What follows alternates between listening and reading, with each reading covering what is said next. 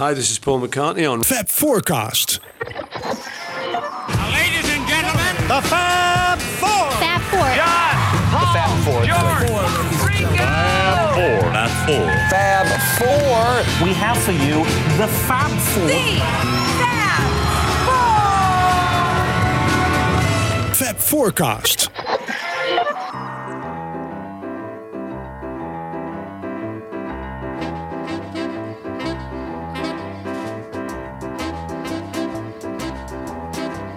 That night, cutie called a cab. She left her east side room so drab. She went out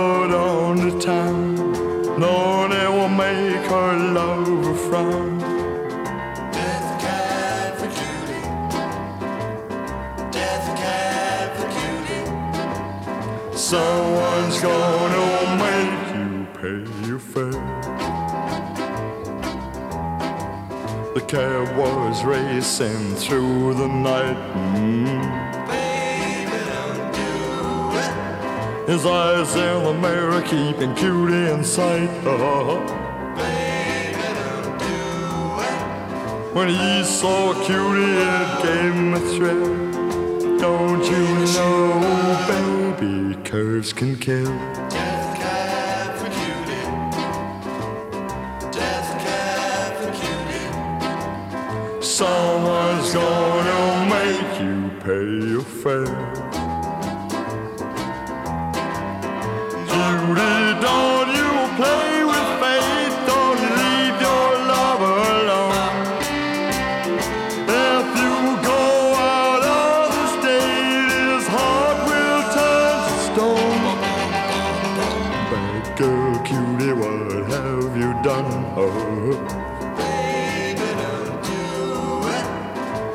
Slipping, sliding down a highway 31.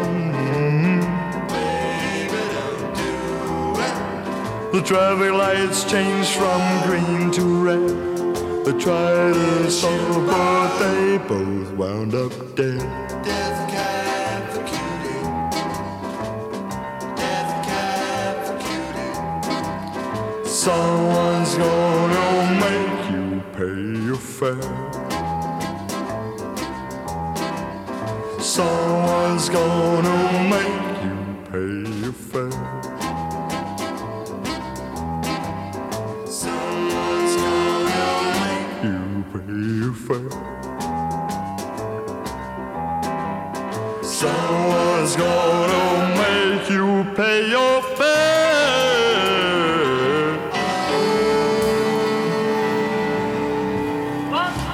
Fab Forecast.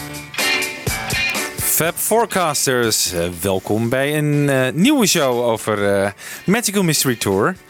We hebben, de vorige keer zijn we geëindigd bij de dood van Brian en de nasleep daarvan. En eh, we gaan nu verder met eh, vanaf 1 september 1967 samen met Jan Kees. en Michiel? En Wibo zit hier achter de knoppen. Wiebo, mag ik even wat zeggen? Ja. Nou, ik hoorde dit eerste nummer en het Ja. deed me heel erg denken aan You Know My Name. Eh, het einde leek er heel erg op en eh, die saxofoon en de, het, het, het piano-arrangementje. Ik dacht in één keer zouden ze daar inspiratie voor hebben gehaald van eh, You Know My Name. Ja, de opnames van You Know My Name zijn natuurlijk wel begonnen al eerder dan toen ze dit nummer in de film hadden. Maar het nummer bestond misschien al wel. Ja. dat zou kunnen. Oké. McCartney was er weg van, hè? Van dit nummer Ja. van eh, Ja. de Bonzo Dog Duda Band. Ja. Ja, Het zou best kunnen, maar dan maar moet You hij Know dus My al... Name is een Lennon-nummer, maar McCartney had ook Ja, wel ja, ja. invloed. Maar Ja. McCartney had wel veel invloed. Ja, nee, nou ja, goed. Het, het was in één keer eh, dat ik dacht, hé, hey, daar herken ik dingen uit bijna. Goed, maar ik, ik schop alles in de war, jouw hele planning. Ja, nou ja, planning. Hey, we, we- het is een beetje Magical Mystery Tour, toch? Ge- Geen planning. Oké. Gewoon goed. Hey, maar ehm, ik had het net over die datum 1 september. Want het is net na de dood van Brian en de, de begrafenis. En er komt dan op 1 september een overleg bij Paul thuis. Ja. En het besluit wordt dan genomen om door te gaan met Magical Mystery Tour. En meteen een paar dagen daarna eh, beginnen ook al de eerste opnames. Hè? Eh, I'm the Walrus. Nou, we hebben besloten om daar deze aflevering ook even bij stil te staan bij eh, dat nummer. Dat komt later in deze uitzending. Wij gaan eh, eerst even wat over die film vertellen. Want ja, hoe komt dat idee eigenlijk bij, bij Paul? Komt het vandaan, Michiel? Ja. Die heeft eh, wat van die 8 mm films gekeken en experimenteert daar ook thuis mee. Ken ik al vanaf eind 66 dat hij heel erg veel met inderdaad 8 mm camera's bezig is. Heel veel films vanuit hotelkamers. eh, Oh ja. Ja, hij heeft twee, hij heeft twee keer in interviews wat over gezegd. Eentje gaan we zo meteen beluisteren. Dan vertelt hij iets over een eh, Franse verkeersleider. Die, eh, ja, waar hij ook, ken ook een heel mooi muzikaal arrangement onder had gezet. En een andere keer dat hij vertelt over een kat in een tuin die hij had gefilmd. En die dan, ja, hij had alweer een bijzondere geavanceerde 18 mm camera. Dat je weer dingen kon terugdraaien en weer dingen uit kon laten. Dan weet ik allemaal. In ieder geval vond hij dat heel interessant. Het concept van zelf gewoon ook films maken. En dat past wel een beetje bij, bij de McCartney eh, die in deze tijd gewoon wat losser wil. Wat, wat meer spontaniteit eigenlijk in zijn kunst wil. In, in zijn muziek en in zijn, ja, alles wat hij, eh, al- alles wat Ja. hij maar maakt Ja. wil integreren. Ja, maar ook de unknown McCartney, hè? dus, dus de, de alternatieve McCartney, die Antonioni ontmoet en Ja. die, die geïnspireerd raakt. En zijn filmpjes zijn overigens allemaal gestolen, heb ik begrepen. De, die Ja. 8 mm films die zijn nooit meer boven water gekomen. Hè? She came in through the bedroom window. Die, die meisjes hebben toen alles gestolen. Maar eh, eh, hij, hij wilde zich er ook altijd graag mee profileren. Ja, en ik denk inderdaad, dat, inderdaad dat zeg je, hè, van hij, hij gaat ook die lezingen bijwonen van bekende componisten. Nou, ik ken, ze, ik ken hun muziek niet, maar je, precies, je, je ziet wel af en toe plaatjes van bijzonder eh, alternatieve instrumenten. En ja, ik denk dat het allemaal wel een beetje daarin past. Gewoon nieuwe kunstvormen verkennen eigenlijk. Hè. Daar is hij gewoon heel erg mee bezig. En Ja. ook heel erg vooral ook zelf ook bedrijven van die nieuwe kunstvormen. Ja. En daar past dus niet bij dat je niet Richard Lester weer erbij, eh, Nee. van stal gaat halen. Nee, Nee, dat is, dat is niet de bedoeling. nee. Daar past eerder bij dat je allerlei rare luchten met allerlei kleuren en zo eh, Ja. laat zien. En eh, een beetje op de alternatieve tour gaat. Ja, maar laten we hem even horen wat hij hierover te zeggen heeft. I had a period uh, of a few years when I was living in London and I wasn't married like the other guys. They were living outside of London. So I would kind of probably see more cinema, see more theatre, go to more events just because I was there. Um, and one of the things that I got was a Super 8 camera. Uh, which started off just uh, doing snapshots, doing your home movies if you go on holiday. But then I got more and more interested in it, and I found one that you could rewind, so you could then go through again. I did a film that I wish I had now, which was out of my hotel window in Paris. I filmed a gendarme on traffic duty, and he just stopping all the cars. So that was one roll through. And then the second time, he'd gone. So I then just filmed all the traffic. So it looked like this impossible job where the traffic was just going through him all the time, which was nice enough for 10 minutes. It was amusing enough for me. But then the nice thing was I found a soundtrack with a jazz saxophonist called Albert Ayler who did a wonky version of the Marseillaise. So while this guy is, oh, no, no, no, no, no, no, no, monsieur, oh, la, la, la, oui, oui, you hear this.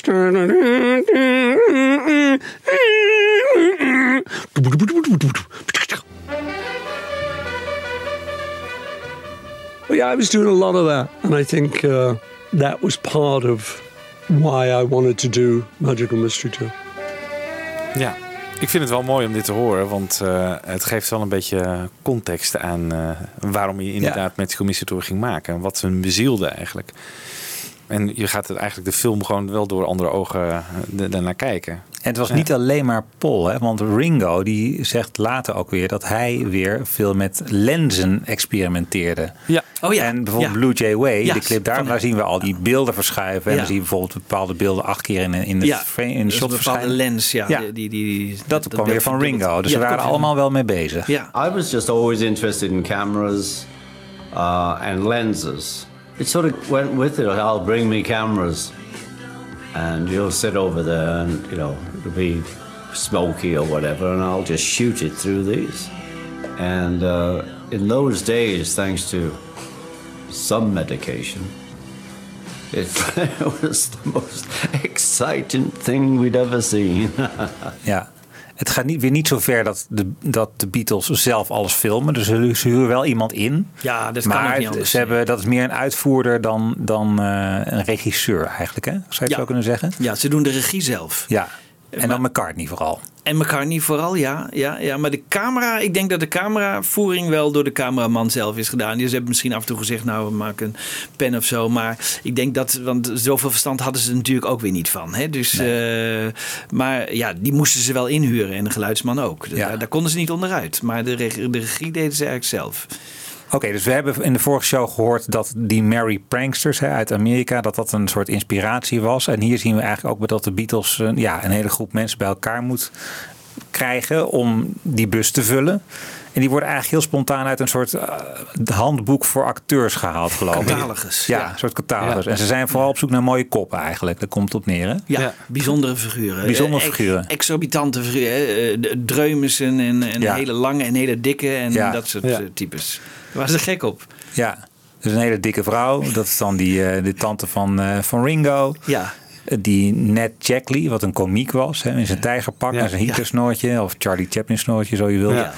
En eh, Ivor Cutler. ja, Cutler, die heeft McCartney weer op tv gezien. Ergens eind 66. Die mag ook mee. ja. Ehm, die, die Wendy Winters of zo. men- Hoe heet ze nou? Mevrouw Wendy- Winters. Wendy Winters met de grote buste. Ja. Ja. Ja. ja. Ja. Die moet ook een mooie, vrouw- mooie Little mee. Nicola. Ja, Little Nicola is ook weer interessant, hè? Want die komt eigenlijk via, via, via komt die, eh, aan boord. Ken je Ja. dat verhaal? Nee, nee. Ja, volgens mij is haar grootmoeder degene die in het boek stond. En zij was ook de eigenaar van die fish and chips winkel. Waar ze aan het eind van, nou, op een gegeven moment, gaan, eh, helemaal aan het eind van de, het filmproces gaan ze op een gegeven moment allen naar die fish and chips shop. En daar hebben we Ja. dan ook nog mooie beelden van. Maar zij, had, zij was eigenlijk uitgenodigd van, nou ja, kom mee op de Magical Mystery Tour. En zij nodigde haar dochter uit van, nou, ga, ga lekker mee. Nou, die dochter ook mee. Maar die dochter had ook weer een eigen dochtertje. En dat was dus Little Nicola. Die was denk ik een jaar of vier oud. Ja, die kon ze moeilijk alleen thuis laten. Dus zo kwam dat meisje ook aan, ook aan boord. Eh, dus zo hebben eigenlijk ehm, de he- drie generaties van die familie zijn op de bus mee. En die Little Nicola heeft nog best wel een prominente rol. Eh, die zie je ook in Ja, heel veel shots. eh, Ja, ja. Bij John op schoot ook. Ja, Ja. heel leuk. Ze schijnt later met eh, drugsverslaafd aan het werk te zijn gegaan. Ja, De goede leerschool gehad. Ja. ja, geweldig. De prima, prima leerschool, ja. Ja. Ja, dus zo krijg je een heel bond gezelschap aan mensen. En ze Ja. gaan eigenlijk volgens, ja, nogmaals, die pie chart. We hebben dat vorige show eigenlijk niet uitgelegd. Maar leg jij nog even uit, Wiebo, hoe dat eruit zag? Oh ja, dat had Paul eh, ontworpen natuurlijk. Het was een soort cirkel met allemaal eh, hapjes. Net als een taart eigenlijk. En elk taartpuntje was een scène. Dus dan had je een taartpuntje met eh, midgets, stond er geloof ik ook. Dat had John bedacht. eh ja. Stel dwergen dan, een scène. En dan music. Ja. En dan weer een... eh Full on the Hill werd toen Full al genoemd. Ja. Werd toen al genoemd als eh, scène. Dus het ja. was eigenlijk gewoon Paul die kwam met zo'n pie chart aan en zei van Ja. nou vul jij maar in wat jij daarin in wil hebben. En John kwam toen ook met die eh, spaghetti eh, scene, die dream sequence. Ja. Ja, dat was eigenlijk het, Dat was het idee. hele script, We het moeten hele gewoon- draaiboek. Ja. Ja. ja. Dat was het. En er waren ook delen niet ingevuld. Hè. Daar had hij dan zo'n soort smiley neergezet. En dat was gewoon puur van, we komen wel wat tegen. Improviseren. Ja, Ja. Maar in totaal, en vanaf 11 september gaan ze opnemen, wordt er voor een uur of 10, 11 wel aan materiaal geschoten. Ja. Waarvan ze uiteindelijk dus maar 52 minuten gaan gebruiken. En daar komen we meteen ook op een belangrijk punt. Hè. Ze moeten, er gaat enorm veel tijd zitten in het montageproces uiteindelijk. En waar ligt dat nou aan? Ja, eigenlijk zien we hier toch weer het amateurisme van de, van de Beatles eh, in optima forma. Want eh, zo zegt McCartney later, we hebben maar in een deel van de opnames van die ja, clapperboards. Ik weet niet hoe je dat in Nederland zegt. Ja, ja. Maar van die bekende borden die je gewoon dichtslaat. En Synchronisatie, Precies. Ja. ja, en daar gaat McCartney ja, nu even wat moois over vertellen. The end, the most difficult thing really was to uh, get the whole thing in sync, um, to put the sound and to marry it with the picture. In a conventional film, they had ways to do this very wisely. And we thought, no, it doesn't matter, we'll, we'll work it out later. Of course, when we got in the editing room and the editor said, well, where's the clapperboard? We said, oh, I don't think we put one on that. And uh, he was much dismayed by this news. And it did mean that whereas we thought it was going to take a couple of weeks to edit it, it took more like 11 or 12 weeks, as I recall. But you know, 11 weeks of fun. Ja, dat is Ja, enorm doet- veel fun om dat ja, allemaal... eh, precies. Typisch elkaar niet weer. Ja. Om het weer gewoon goed te praten. Ja.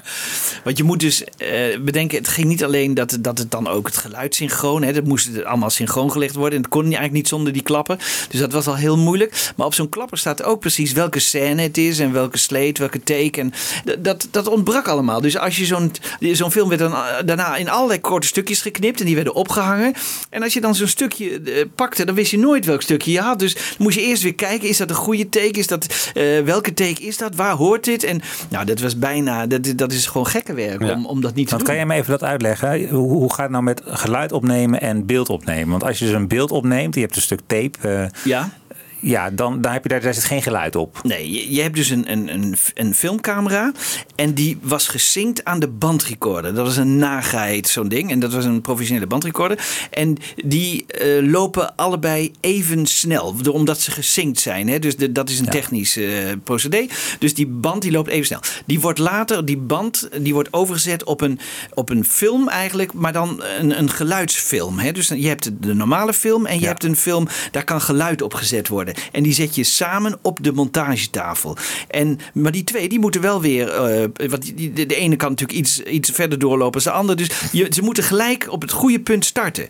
Nou, en dat kun je dus doen met zo'n klapper. Want dan zie je in beeld dat de, dat de klapper valt. En op de tik hoor je op, de, op het geluid. En dan weet je precies, oh, die, die liggen synchroon. En dan kun je, kun je ze allebei afsnijden op hetzelfde moment. En dan weet je dus, die, die zitten precies synchroon. En als je dat niet hebt, dan En moet als je je het het niet hebt, dan moet je dus gaan kijken of die, of die lippen een beetje synchroon lopen. En nee, een beetje vooruit, achteruit. Nou, dat is dan een probleem. Maar op die klapper staat ook eh, de hele eh, zinnige informatie. Van hè, welke take, op welke datum, eh afijn, kleur, correctie, dingen. Allemaal dingen staan er op die, op die, op die klapper. Die is er niet voor niks. Hè?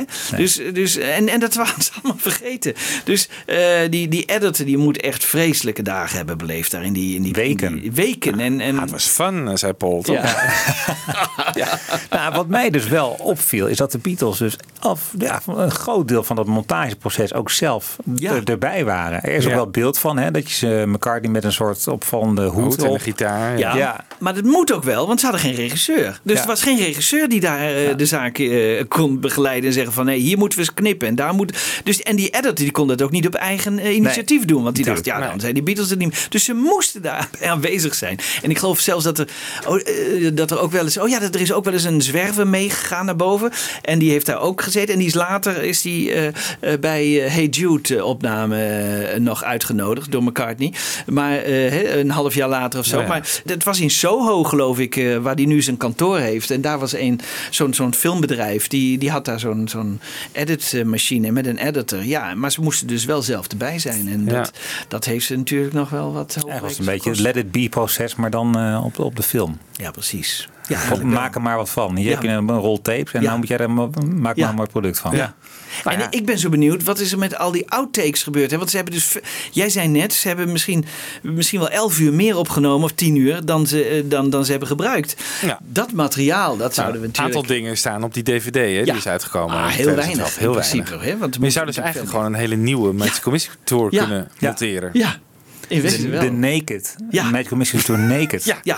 Ja, dit jaar en, helemaal, ja precies. En helemaal dat de Beatles de mist ingaan. Of dat er foute bloopers worden gemaakt. En zo. Die moeten er zijn. Maar die, die eh, ik weet Dat niet heb, ik, dat... dat heb ik bij Let It Be ook wel. Dat is natuurlijk ook echt uren aan materiaal. Ja. Ga gewoon een, een- een paar, vier of vijf eh, hedendaagse regisseurs gewoon met het ruwe materiaal confronteren en maak er je eigen versie van. Ja. Of zo. En breng Ja. dat dan gewoon uit als DVD of zo. Dat zou heel interessant zijn. Dat En zou heel interessant zijn. Want ze hebben ook heel veel plezier beleefd in de studio. Hè? Dat weten we van die, van die tapes. Dus, dus eh, daar moet echt een leuke film uit te maken zijn. uit te dat halen denk ik zijn. ook Ja. Ja. Maar goed, ook van, eh, misschien is er van Magical Mystery Tour ook nog wel een hele leuke film te maken. eh, Als je het op een hele andere manier monteert. Of ik weet niet wat. Eh, misschien is er best wat mee te doen. Ja, misschien wel. Door in te korten of anders te doen. Ik weet het niet. Ja. Eh, la- laat... eh, Nou, de scènes die we nog kennen, hè, bijvoorbeeld eh, de scène van Lennon dat hij bij dat zwembad, die mij aan het regisseren is.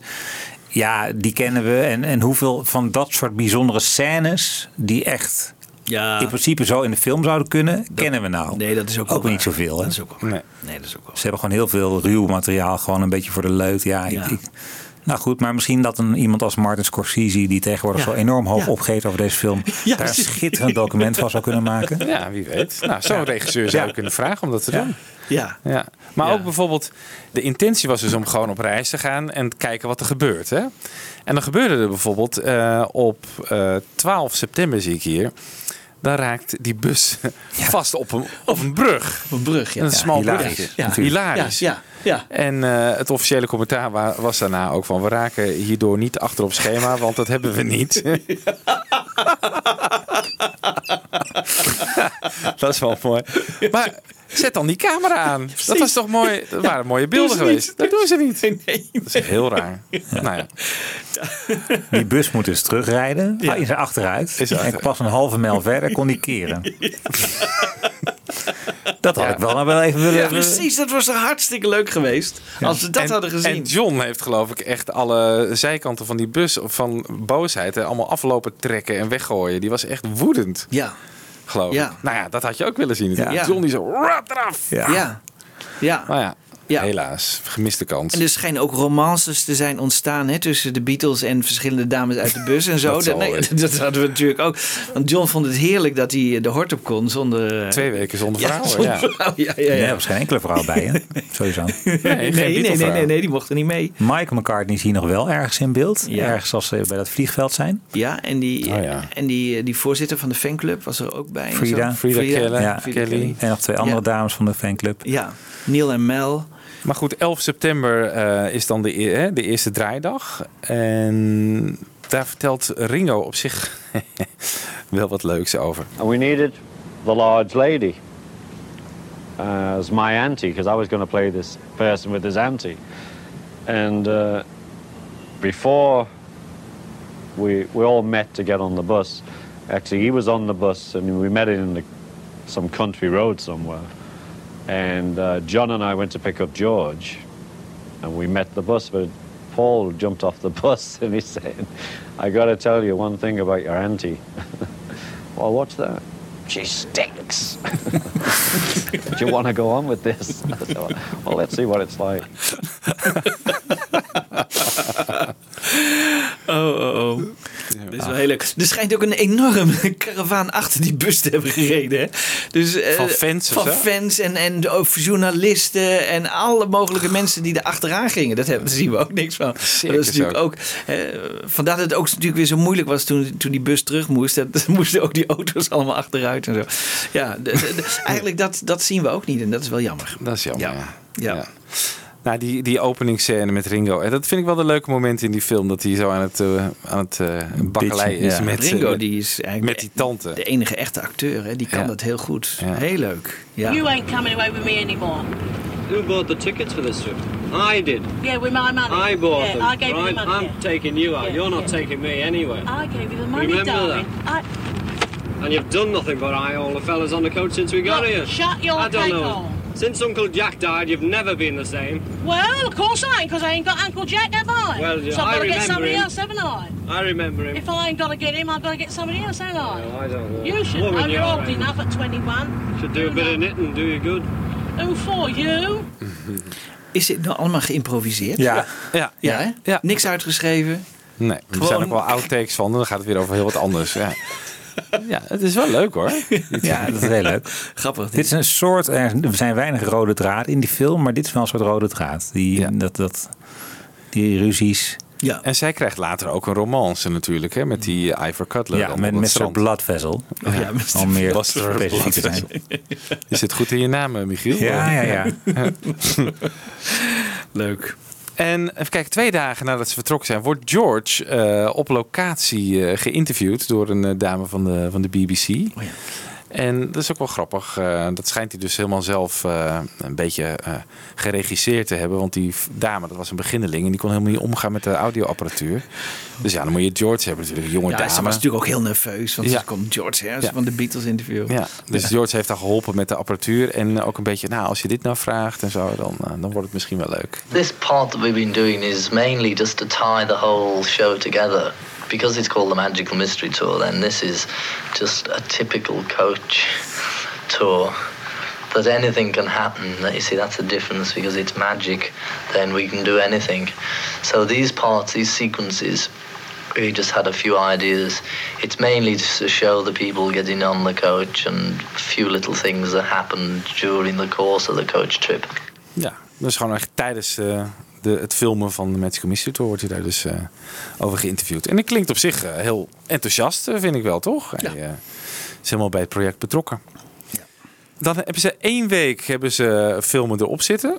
En dan gaan ze de tweede week gaan ze echt ook op locatie. Die eerste week is eigenlijk met die bus een beetje rondrijden. En de tweede week is, dan begint het met die eh, scène in die stripbar. Waar dus de Bonzo Dog Duda bent. Dat is gewoon in Soho in Londen, hè? Ja, dat is gewoon in Londen, ja. Ja. En dan gaan ze dus ook I'm the Walrus filmen daar eh, in eh, Kent. In Kent. Oh ja. Een verlaten vliegveld. Ja, Ja. precies ja.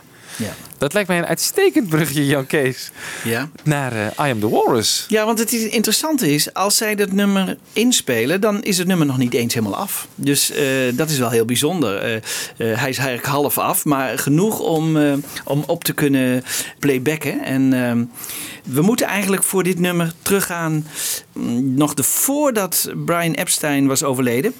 Toen kwam John eigenlijk met, met wat ideeën thuis. En daar was, ehm, daar was Hunter Davies ook bij. En eh, dat is wel interessant. Die Hunter Davies die heeft dat hele proces een beetje beschreven. Dus hoe dat nummer is ontstaan. Dat is echt geweldig. Dat, dat zien we later niet meer. Maar in die tijd eh, kon hij overal bij zijn. Dus, en hij was toevallig bij John dat het eh, nummer ontstond. En John die vertelt er ook iets over.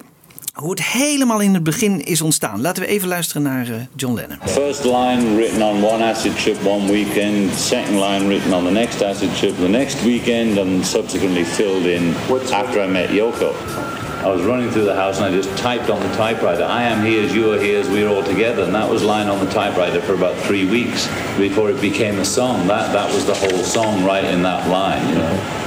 And that was an acid trip line. And it was a great effort just to put it on the typewriter. Ja, dus ook weer hè, gebaseerd op drugs. En ik wist niet dat Yoko in die tijd al zo'n belangrijke rol speelde. Maar goed, eh, Nee. dat, eh. Nee. Eh, hij had dus schijnbaar al ontmoetingen met Yoko in die tijd. Ja, en dan, dan is dan, Hunter Davies is daar dus bij. En die, dan zitten ze in de tuin van John. En dan horen ze een sirene. En dat eh, inspireert John eh, tot een ander gedeelte van dit nummer. En eh, eh, ik heb het gelezen van Hunter Davies. En ik heb het even op een sirene gezet. Dus ik heb een sirene uitgezocht uit die tijd. En John daar overheen gezet. Dus je een beetje een indruk krijgt van wat inspireerde hem nou zo van die sirene. Laten we even luisteren.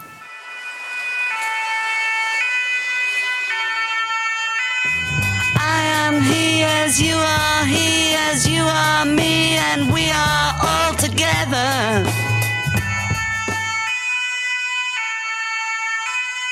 Mr. City Policeman sitting pretty little policeman in a row. Ja, ik weet wel even waar je naartoe wil. Het tempo is gewoon hetzelfde. Ja.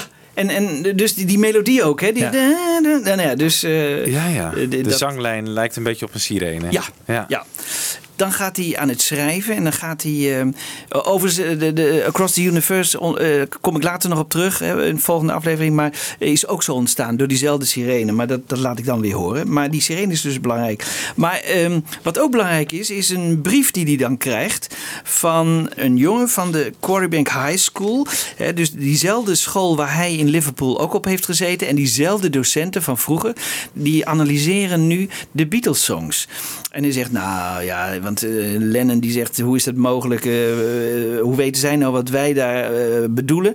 Ik ga nu een song schrijven waar ze, ze totaal niet meer uitkomen. Ja. Dus dat vind ik wel grappig. Overigens, ik vind het ook wel leuk dat eh, hij krijgt dus een brief van een Quarrybank High School leerling. En waarom krijgt hij die brief? Hè? Eh, ke- Waren er misschien mensen die, die al hun brieven van tevoren selecteerden en bepaalde brieven wel doorstuurden en andere niet? Of kregen hij hele pakken post en heeft hij toevallig deze eruit gehaald? Ik, ik, we Ja. weten het niet, maar goed. Het is wel interessant, want Piet Schotten, die was daar dus bij. Hè? Dat was zijn vriend dan nog van vroeger, van Liverpool. En die beschrijft dat in, in zijn boek. Piet Schotten, die eh, een tijdje geleden is overleden.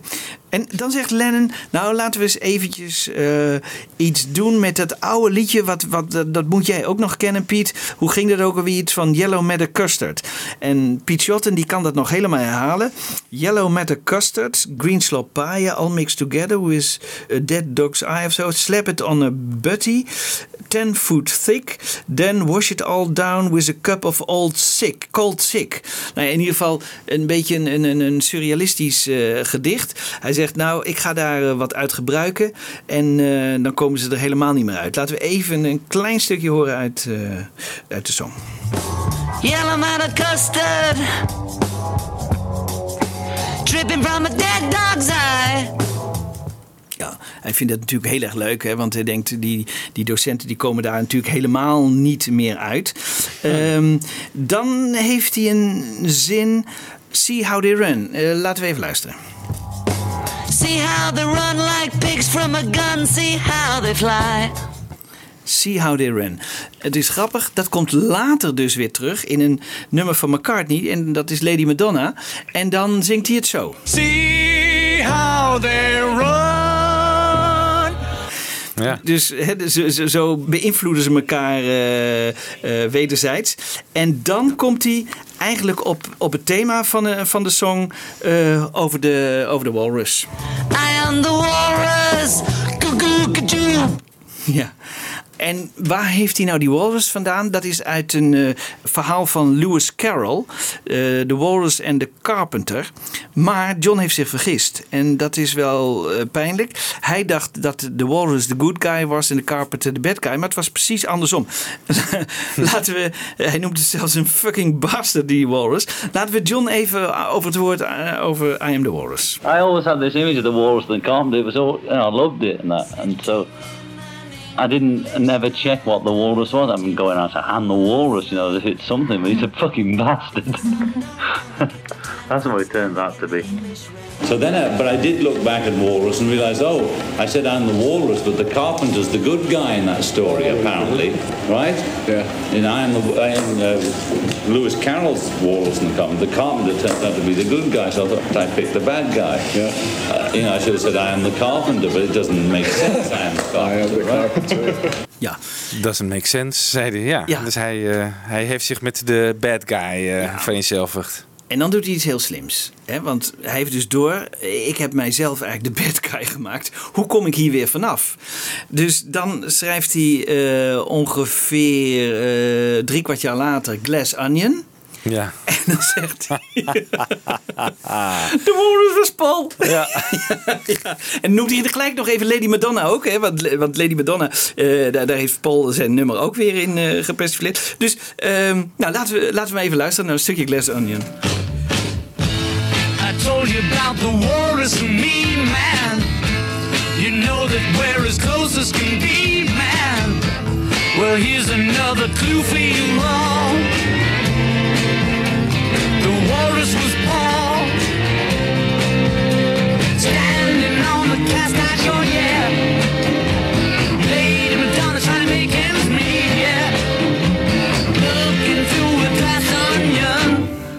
Heel grappig. Wist je nooit dat dat echt een soort correctie was en dan gewoon polpesten. Polpesten.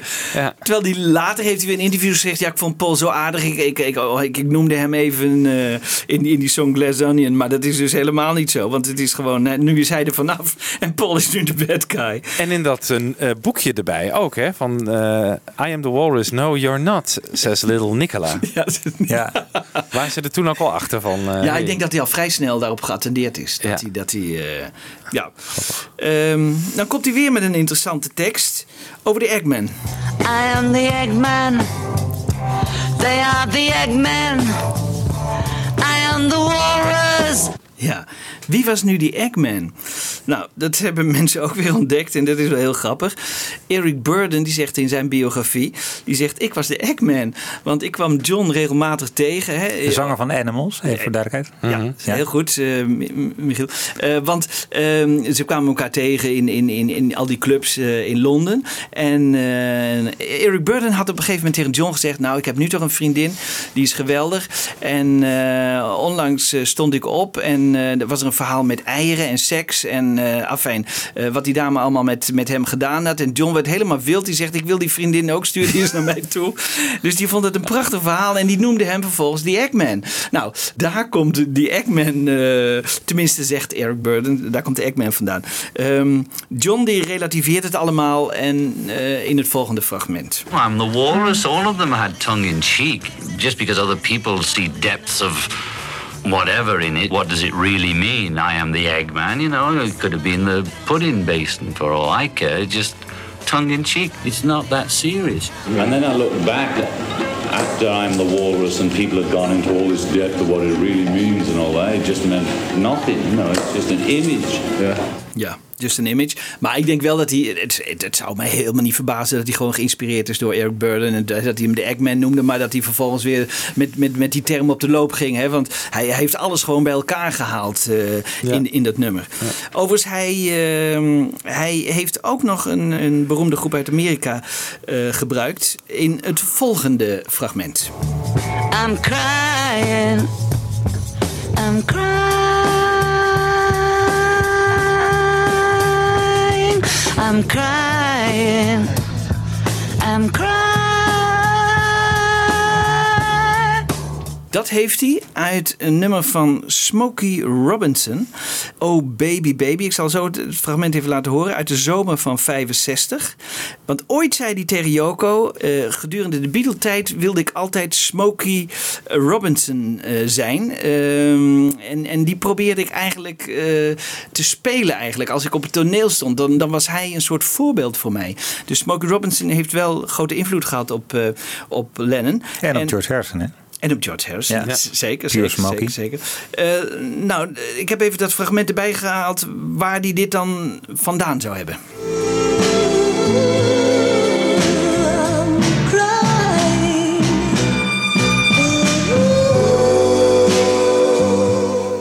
Het zou kunnen. Hè? We weten dat John veel pikte, overal vandaan. En dat hij Mhm. overal alles vandaan had. En het- zou zeker niet onmogelijk zijn dat hij di- dit uit dit nummer eh, heeft gehaald. Nou, en dan eh, heeft hij nog een, een, een stuk tekst waar George Martin over de rooien ging. Want die denkt, oh, oh, oh, oh, dit gaat weer helemaal mis. Eh, hoe krijg ik dit ooit recht bij EMI? Eh, dit wordt niet getolereerd. En het ging om de volgende zinnen. Grab a lock, a fishwife, pornographic priestess. Boy, you been a naughty girl, you let your knickers down. George zag daar al die bij hangen. Alhoewel EMI daar nooit echt moeilijk over heeft gedaan. Over deze zin. eh, pornographic policeman, knickers down. Hè, weer die eh, broek naar beneden. Hè, waar die ook al in, in Sergeant Pepper zo, zo, zoveel plezier aan heeft beleefd. Hè, met die, zowel met die button als eh, door het te roepen. Pants down was het. Pants down, ja, maar Ja. hetzelfde als de knickers down. Hè? Ja. Dus ja. Overigens, George Martin, toen hij voor het eerst dit nummer hoorde, was hij helemaal niet blij. Hij zei, wat moet ik met dit nummer en eh, eh, wat, wat kan ik hier ooit mee? Terwijl het toch een van de, de beste nummers van, van, van Lennon uiteindelijk is geworden. En ook een van de meest eh, legendarische scores van, eh, Mm, van George Martin, mooi, hè, mogen ja. we toch zeggen. Ja. Nou, dan gaan ze opnemen. En ehm, eh, ze nemen een aantal takes op. Die eerste takes, en dat is, dat is wel interessant. Dan zien we John aan de pianet. Mag nog even één ding, sorry hoor. Ja? Er is nog één ander stukje tekst, hè? dat is Semmeline Pilchard. Ja. Want, eh, of heb je voor je gevoel nou die hele tekst behandeld? Of eh Eh, de ja, nou, de, de, de meeste wel. eh, Ja. maar, maar je kunt bijna Nou, van iedere zin wel ja, iets zeggen. Maar, precies. maar Het is natuurlijk enorm, je- kan- Heb jij nog iets over? Want eh, dat is wel leuk. Nou, Ja. allereerst wat betekent Semmelina, weet je dat? Weet je Nee, dat? nee. dat is Giesmeel. Oh ja. En die Pilchard, dat schijnt dus een verwijzing te zijn naar die Norman Pilcher. En dat was dus die beruchte politieman Politie, die ja. al die drug busts deed. Ja. Dus dat was een impliciete verwijzing naar, eh, naar hem. Ja. Maar hij zegt nog niet Pilcher, maar Pilchard. Dus Ja. hij, hij, hij verandert het wat. Ja. Dat deed hij natuurlijk heel vaak in zijn boekjes ook. Ja. Ja. Ja. Ja. Dus of het echt een Ja. verwijzing is, maar, maar het is wel zeer aannemelijk, denk ik. Hè? Dus, eh, Ja, ja. een beetje dat hij niet helemaal durfde misschien die naam te gebruiken. Hè? Dus net zoals Sexy Sadie, dat hij niet maar Rishi durfde te noemen. Ja. Dat soort dingen. Hij, hij, hij doet dat eens vaker eh, Ja. wat stoerder dan die... eh, ja. Maar ja, wij analyseren nu eigenlijk die tekst eh, eh, zoals die student van Corrie High School eigenlijk Ja, eh, ja, doet, precies. Ja, precies. We doen eigenlijk precies hetzelfde. Want John zegt, ja, het is gewoon onzin. Maar het is wel leuk. Hij zegt wel dat het onzin is, maar er zijn wel allemaal allemaal Ja, aanwijsbare dingen die gewoon Ja. uit zijn misschien onderbewustzijn eh, zijn gekomen. Ja. Op die Ja. manier is het wel leuk om het... eh, Waar komt het allemaal vandaan? Ja. Waar komt het allemaal maar het vandaan? betekent niks, denk ik. Maar echt eh, losse referenties in die nummers, losse woorden, die komen wel degelijk Maar het ergens is wel helemaal Lennon ten top. Hè? Gewoon het huwelijk tussen muziek en tekst in dit nummer. Ja. Toch, dat is gewoon geweldig. Ja. Hij was ook heel en het blij is. Ja. Ja. Ik denk, ik kan me wel zelf wel voorstellen dat hij blijer was met dit dan met bijvoorbeeld eh Mr. Kite of, of wat dan ook op, op Pepper. Ja, ja Niet? dat zegt hij ook. Dat Ja. zegt hij ook. Ja, dat zegt hij ook. eh, tenminste in geschreven interviews. Dat hij daar Ja. veel blij mee was. Ja, ja. Dus eh, wat Ja. dat betreft heb je op Magical Mystery Tour wel een echt een prachtig Lennon-product, zeg maar. Een beetje als tegenwicht tegen het toch overwegende McCartney-geluid op Pepper. Dan heb je- dus, dus Strawberry Fields en I Am The Walrus. Het is een schitterende... Ja. Ja, echt, dat is echt waar. Lennon op zijn psychedelische hoogtepunt. Dus eh, Lennon werkt eigenlijk best wel goed binnen concepten van McCartney, zou je zo kunnen zeggen. Toch?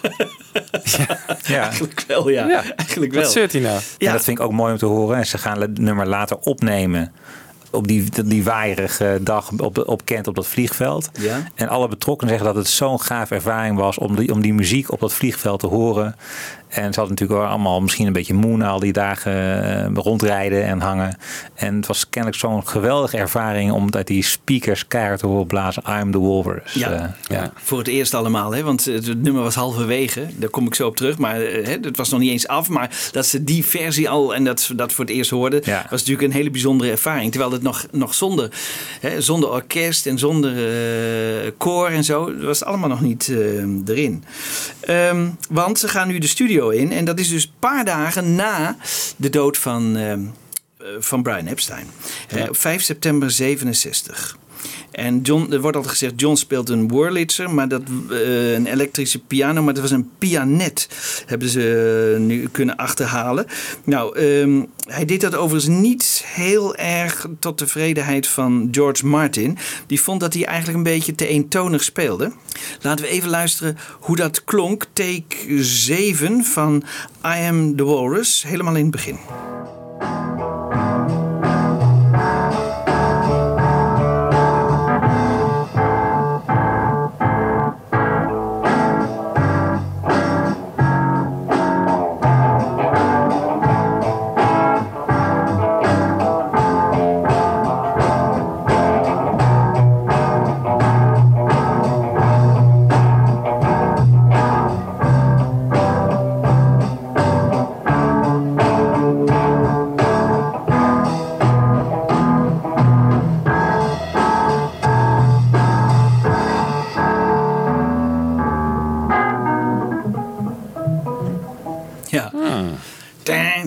Weet je?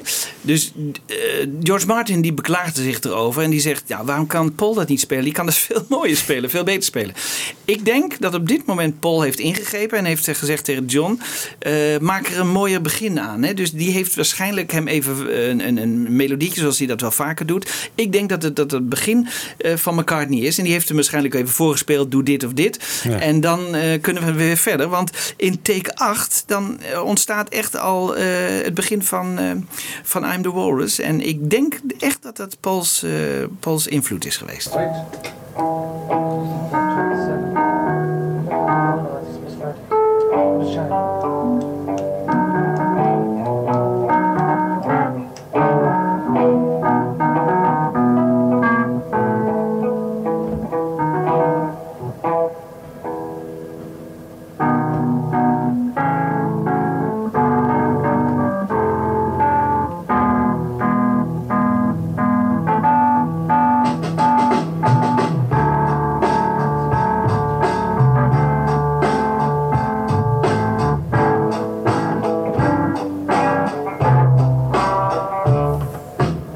Mooi zeg. Ik wist helemaal niet dat hier eh, alternatieve takes van beschikbaar waren. Ja. ja. Mooi. Ja. Eh, ja, het zijn wel monitormix, hè? dus het is vanaf de monitor, niet direct, maar het is vanaf de monitor Ja. eh, opgenomen. Ehm, John zegt tegen Jeff Emmerich: ik wil mijn stem laten klinken, ook weer zo mooi, hè, als van de maan. Hè. Dus alsof ik van de maan, maak er maar wat van. En, en Jeff Emmerich die gebruikt een low fidelity talkback microfoon. Hè, dus zo'n zo'n hele eenvoudig microfoontje die je wel in de studio hebt om even terug te praten. Hè. Ja, dat, ja. dat, is zonder enige kwaliteit. Maar die microfoon, die heeft hij eh, heeft gebruikt. En ehm, die gaat ongeveer zo klinken. I am he as you are, he as you are me, and we are all together. See how they run like pigs from a gun, see how they fly. I'm crying, sitting on a cornflake, waiting for the van to come. Is het ook weer versneld, eh, Jan Kees, eigenlijk? Ehm, Klinkt namelijk wel zo. Het zou kunnen hoor, dat het iets versneld is, maar ehm, ik heb het niet direct kunnen vinden. Maar Ja. misschien, misschien heb je gelijk. Dat, Zou dat, zou kunnen, dat zou kunnen. Overigens, bij, bij de Love-versie zie je dat ze daar weer wat eh, bas bij gooien bij die stem. Dat ze toch weer proberen die stem toch weer een beetje normaal te laten klinken. Dat is wel heel grappig. Eh, maar het is niet helemaal gelukt, maar ze, ze hebben het in ieder geval wel geprobeerd. Hè. Eh, en dan ontstaat er weer een probleem. Want Ringo die kan niet goed de maat houden. En dat is toch wel heel vreemd. Hè? Want je, ik, ik heb een collega en die is drummer. Die is Art van der Ree. Die heeft bij eh, eh, de Urban Heroes gespeeld. En bij Herman Brood. En ik zeg, is dit nou zo'n moeilijk nummer? Ik heb hem dat nummer even laten horen. Hij zegt, nee. eh, volgens hem was het helemaal niet zo. En, en, en, maar ik zeg, wat zou dan de oorzaken? Dus we kwamen er beide eigenlijk uit. Hij zegt, nou, wat, wat wel zou kunnen. Ze waren allemaal heel erg onder de indruk nog van de dood van Brian Epstein. En hij zegt, als een drummer afgeleid is door iets wat hem emotioneel. dan is het voor hem veel moeilijker om, om de maat te houden. als hij ergens anders nog in gedachten mee bezig is. En eh, eh, volgens hem zou dat eh, het, geval kunnen zijn. Maar jij, jij weet dat misschien ook wel als, als bandlid. Als je dus, dus, dus gewoon eh, niet helemaal 100% met die gedachten erbij bent. dan is het moeilijker om de, Zou om de kunnen maat te houden. Ja. Nou, wat wel heel aardig is, eh, is vervolgens Paul McCartney. En die zegt, ik ga je helpen eh, tegen Ringo. En ik pak eh, een tamboerijn en ik geef de maat aan. En dat is dus tot en met het einde toe gebleven. En je kunt nog steeds op het eindversie kun je dat ook horen. En, en, en hi- hier ontstaat dat dus, dat, dat Paul McCartney de, de maat aangeeft op een tamboerijn. En hij laat de bas dus gewoon liggen. En, en helpt Ringo door dit nummer heen. En nou ja, ehm, we horen ook in het begin, als, als ze even aan het oefenen zijn. Dan hoor je ook heel goed dat, dat, dat Paul met die, met die tamboerijn bezig is. Ehm, laten we even luisteren naar eh, take 2627 met de vocals en eh, Paul McCartney die eh, duidelijk het ritme aangeeft.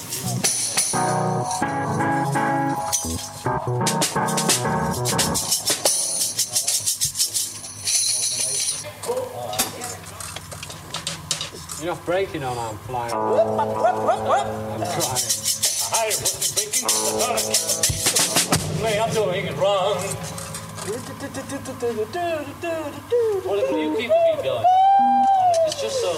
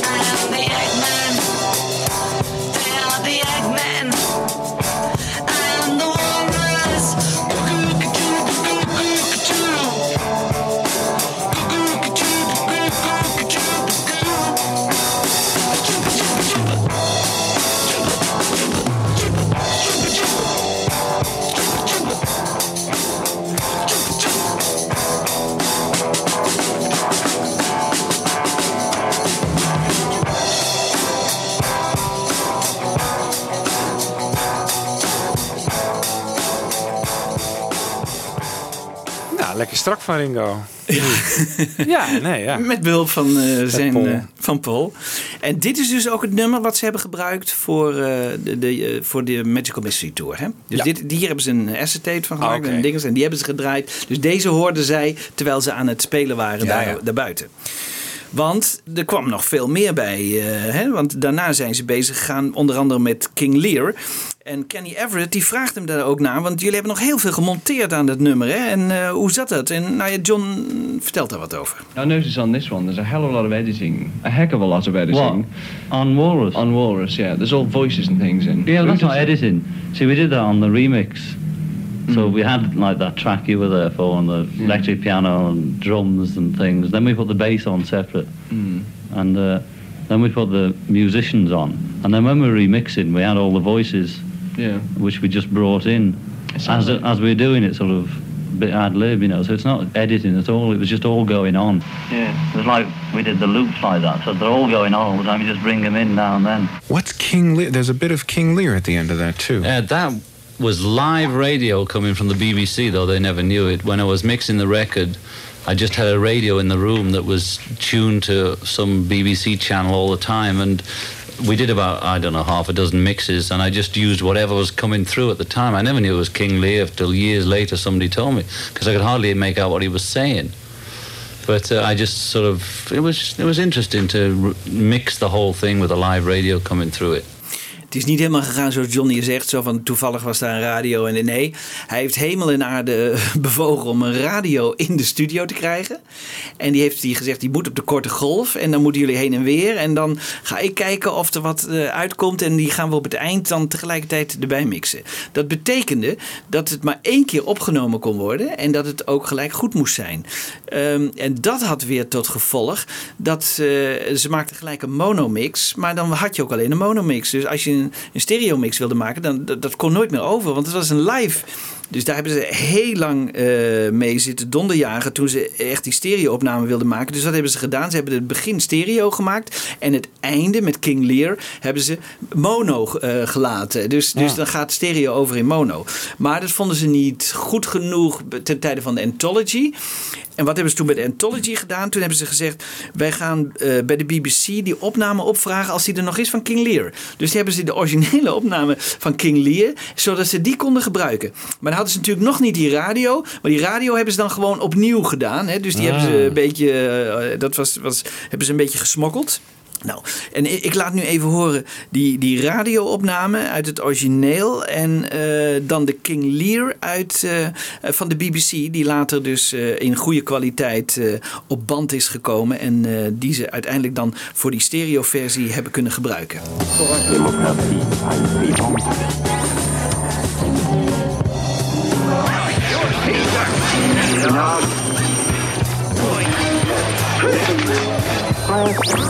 Les armes, ah oui, de la nouvelle publique.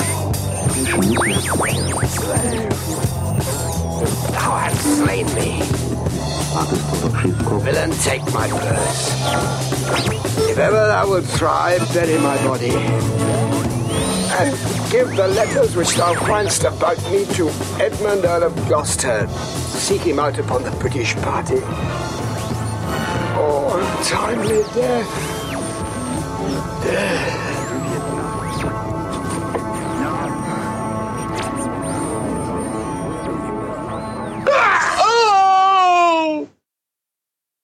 Slave! Thou hast slain me.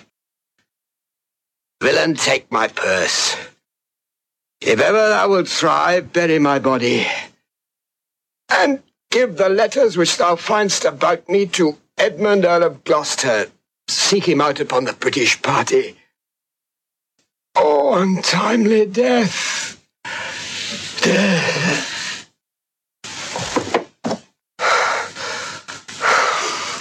I know thee well. A serviceable villain, as duteous to the vices of thy mistress as badness would desire. What? Is he dead? Sit you down, father. Rest you. Heel leuk om te horen. Ja. Je hoort veel preciezer wat ze zeggen. hè? Want Ja. ik heb heel veel dingen nooit goed verstaan. eh, Nee. en, en... kan het nu nog niet heel goed verstaan. Zeker in het begin niet. Nee, Het is nee ook- maar aan het eind wel. Ja, aan het eind wel, zeker. Ja. Het is ook een beetje eh, Shakespeareaans eh, Ja. Engels natuurlijk. En ik geloof, ik dacht dat het in het boek van Mark Lewison zelfs eh, helemaal uitgeschreven stond eh, dat je Ik dacht altijd dat hij lezen. zo'n I know I knew is dead. Maar hij zegt a timely death of zo. Ja. ja maar Ja. goed. En dat kon je natuurlijk allemaal niet zo goed verstaan, omdat allemaal muziek eroverheen. En eh dat was een beetje in de mix verdwenen. Maar nu horen we het dus heel, heel goed. Ja. Nou, dan gaat eh, George Martin bezig ook nog met het arrangement. En eigenlijk is dat zo mooi, jongens. Eh 16 muzikanten, hè, 8 violisten, 4 cello's, contrabas, klarinet, 3 hoorns. Die maakt er echt het moois van. En ik vind eigenlijk staat hij bijna op zichzelf. Zo mooi. En ik heb één, ik, ik heb er lang naar gezocht, maar ik heb één versie kunnen vinden waar je eigenlijk alleen het, eh, het orkest hoort. Het was nog niet makkelijk om die te vinden, maar die wil ik toch eigenlijk even laten horen. Laten we luisteren naar het arrangement van, eh, van George Martin.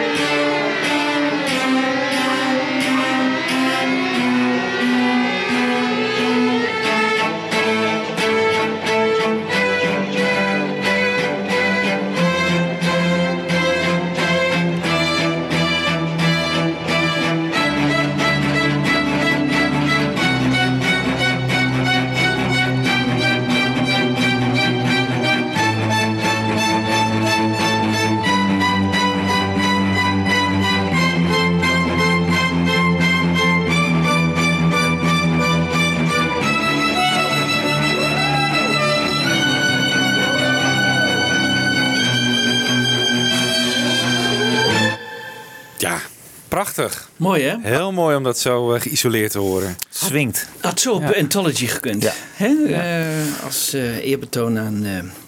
eh, En George Martin. Aan George maar nee, Martin. volgens Neil Aspinall hadden we de bodem van de put Ja, ja. al lang bereikt. Ja hoor. En had dit er absoluut niet op gepast. Nee, nee ongelooflijk hè, ongelooflijk. Overigens, het is grappig. Dit is dus op, op de middag van 27 september. En dan s'avonds, dan komen de Mike Sammes Singers. Hè, en die, eh, daar heeft George Martin ook nog een eh, arrangement voor uitgeschreven. En die, die wisten niet wat ze, wat ze hoorden. Die moesten Woa en Everybody Got One en Oompa Oompa en Stick It Up Your Jumper zingen. En ho ho ho, hey hey hey, ha ha ha. Nou ja, die, die hebben... Maar wat, dat was een, een professionele zanggroep, hè? Ja, het was een. En die, en die deden altijd hele serieuze dingen, weet je.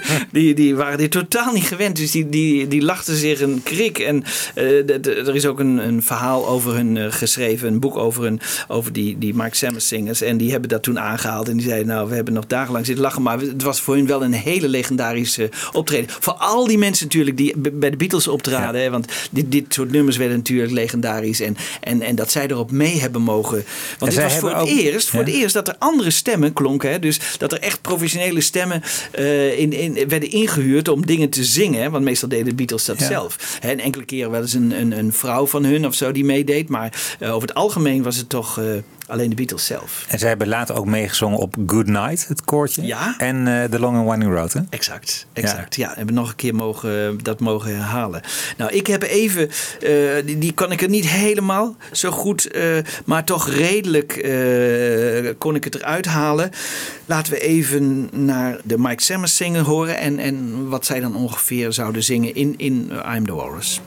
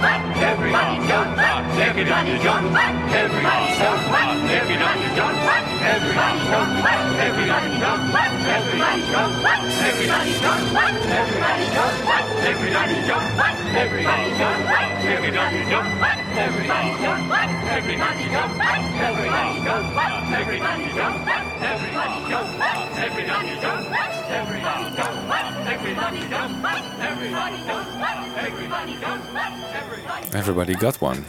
Ja. Zou George Martin dat verzonnen hebben? Of is dat iets van Lennon? Ik bedoel dat je nu gaat verzinnen van... we hebben hier echt een flinke dosis vocalen nodig. Ja, dit, eh, dit heeft George Martin verzonnen, want John die kwam niet meer bij van het lachen en hij vond het geweldig. Dus het is niet iets wat uit zijn koken komt, maar hij vond het fantastisch. Hij heeft Ja. echt, eh, dat heeft hij ook eh, vaker gezegd, dat hij dat heel bijzonder vond. Ehm, maar John is John niet als hij toch 2,5 jaar later eigenlijk afrekent, zowel met dit nummer als met de Beatles en met iedereen, eh, in het nummer God. En hij noemt het dan. En eh, daarmee wil ik eigenlijk dit stukje eindigen. We komen helemaal op het eind van het programma nog even terug met de stereoversie van, van dit nummer. Maar eh, we kunnen eigenlijk niet om John heen, die in, in, in 1970 in het nummer God ook met dit nummer afrekent. En met de Beatles en met iedereen. Laten we hem zelf even over aan het woord en eh, dat stukje beluisteren. But I mean, the way it's written, everybody presumes that it means something. You know, I mean, even I did. So I mean, we all just presume just because I said I am the walrus that it must mean I'm God or something.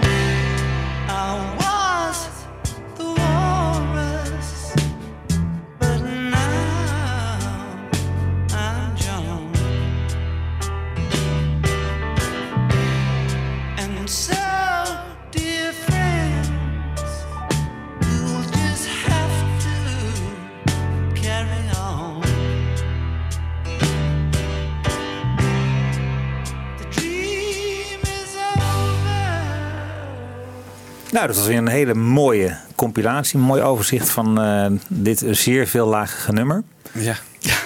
Nou ja, het is ook wel een heel bijzonder nummer. Hè? Dus daar moesten we wel even aandacht aan besteden. En het is eigenlijk, laten we eerlijk zijn, ook wel het hoogtepunt van de film, toch? Ja. Ja. En ik vind, het- ja, ik vind het Ja. zelf wel gaaf, want de Beatles treden natuurlijk niet meer live op na 66, maar je krijgt hier toch wel een soort vleugje mee van hoe dat, hoe dat ook had kunnen zijn of zo. Ja. Eh, de, de bewegingen die McCartney maakte, dat hij zo'n dat hij even naar Ringo wijst, weet je wel, dat vind ik zo super gaaf aan het Dat het begin. begint zo, ja. Ja, leuk. Ja. Allemaal in kleren van de Fool.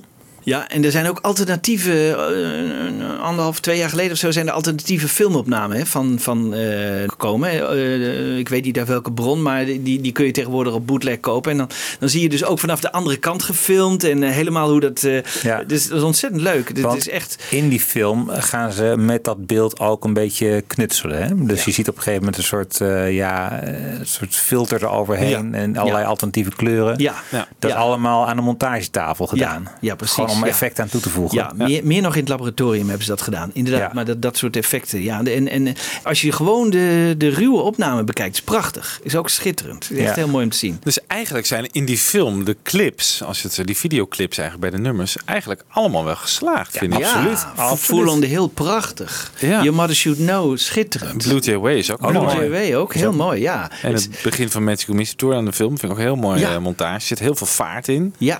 En flying. Ja, flying. Is Echt ook mooi. Allemaal clips op zich, maar dat, dat ja, dat... eh, Maar er is ook wel discussie over geweest. Er zeggen mensen van ja, je had, je had misschien. Want natuurlijk hebben de Beatles ook aan het begin van zeg maar rond 65 zijn ook Lennon en McCartney tv-specials geweest. die echt rond de muziek draaiden. Dus ze hebben gewoon, de, ja, natuurlijk, eh, we kunnen al- allemaal goed praten dat ze een film wilden maken. We weten nu allemaal waar ze vandaan kwamen. Maar ik denk dat het grote publiek een meer zo'n zo'n benadering veel beter had getrokken. Nou, Dat je gewoon had een paar zeer geslaagde nummers, hele mooie beelden erbij. Ja. En dan even niet dat verhaal. Nee. Eh, Nee. Of, of, of, Ja, of, of eh, mooie interviews, weet ik veel, verzin iets. Maar, eh, maar niet dit. Nee. Ja, dat, dat was een Dat was ongetwijfeld een groot, ingegaan, was een hè? groot succes Ja. geworden. Dat was Ja. wel een groot succes geworden. Ik denk het wel, ja. Maar dat is eigenlijk hetzelfde met eh, Give My Regards to Broad Street, toch? Die, die nummers op zich, Ja, die erbij. leuk. Ja. Mooi om Ja. te kijken. Ja. Alleen het verhaal is zo slecht. Maakt hij gewoon echt twintig jaar later weer dezelfde fout. Hè? Ja. Dat is toch Onvoorstelbaar. Hè? onvoorstelbaar, ja. Ja, onvoorstelbaar. Dus daarna heeft hij geen film meer gemaakt, gelukkig. Maar... Nee, nee. Maar dat is beter ook.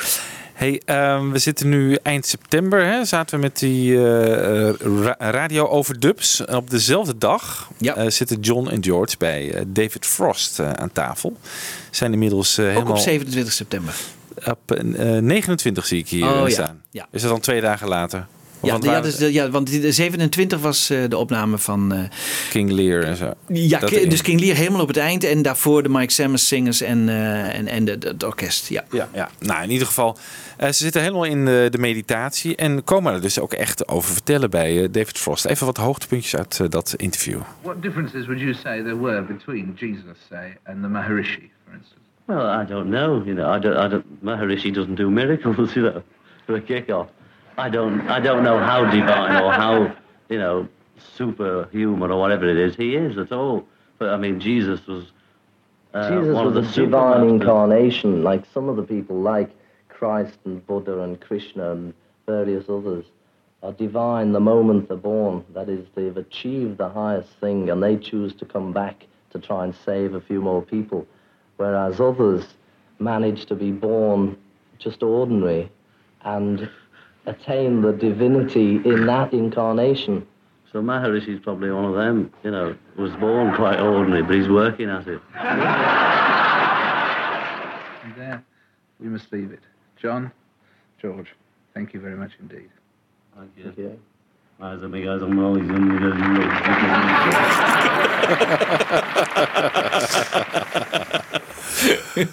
Hij blijft leuk, hè?